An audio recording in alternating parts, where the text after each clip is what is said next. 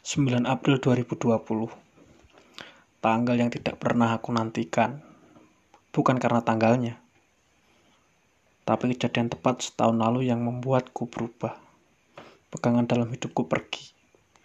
Beliau kembali ke sisi Bapak untuk saat ini. Iya, setahun lalu.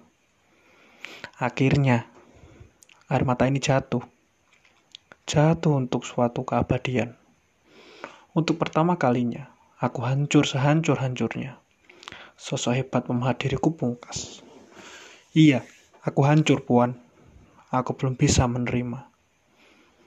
Aku ingin hujan menutupi munafikku dalam derasnya. Aku ingin Anda melupangku lagi dalam pelukan. Aku hancur.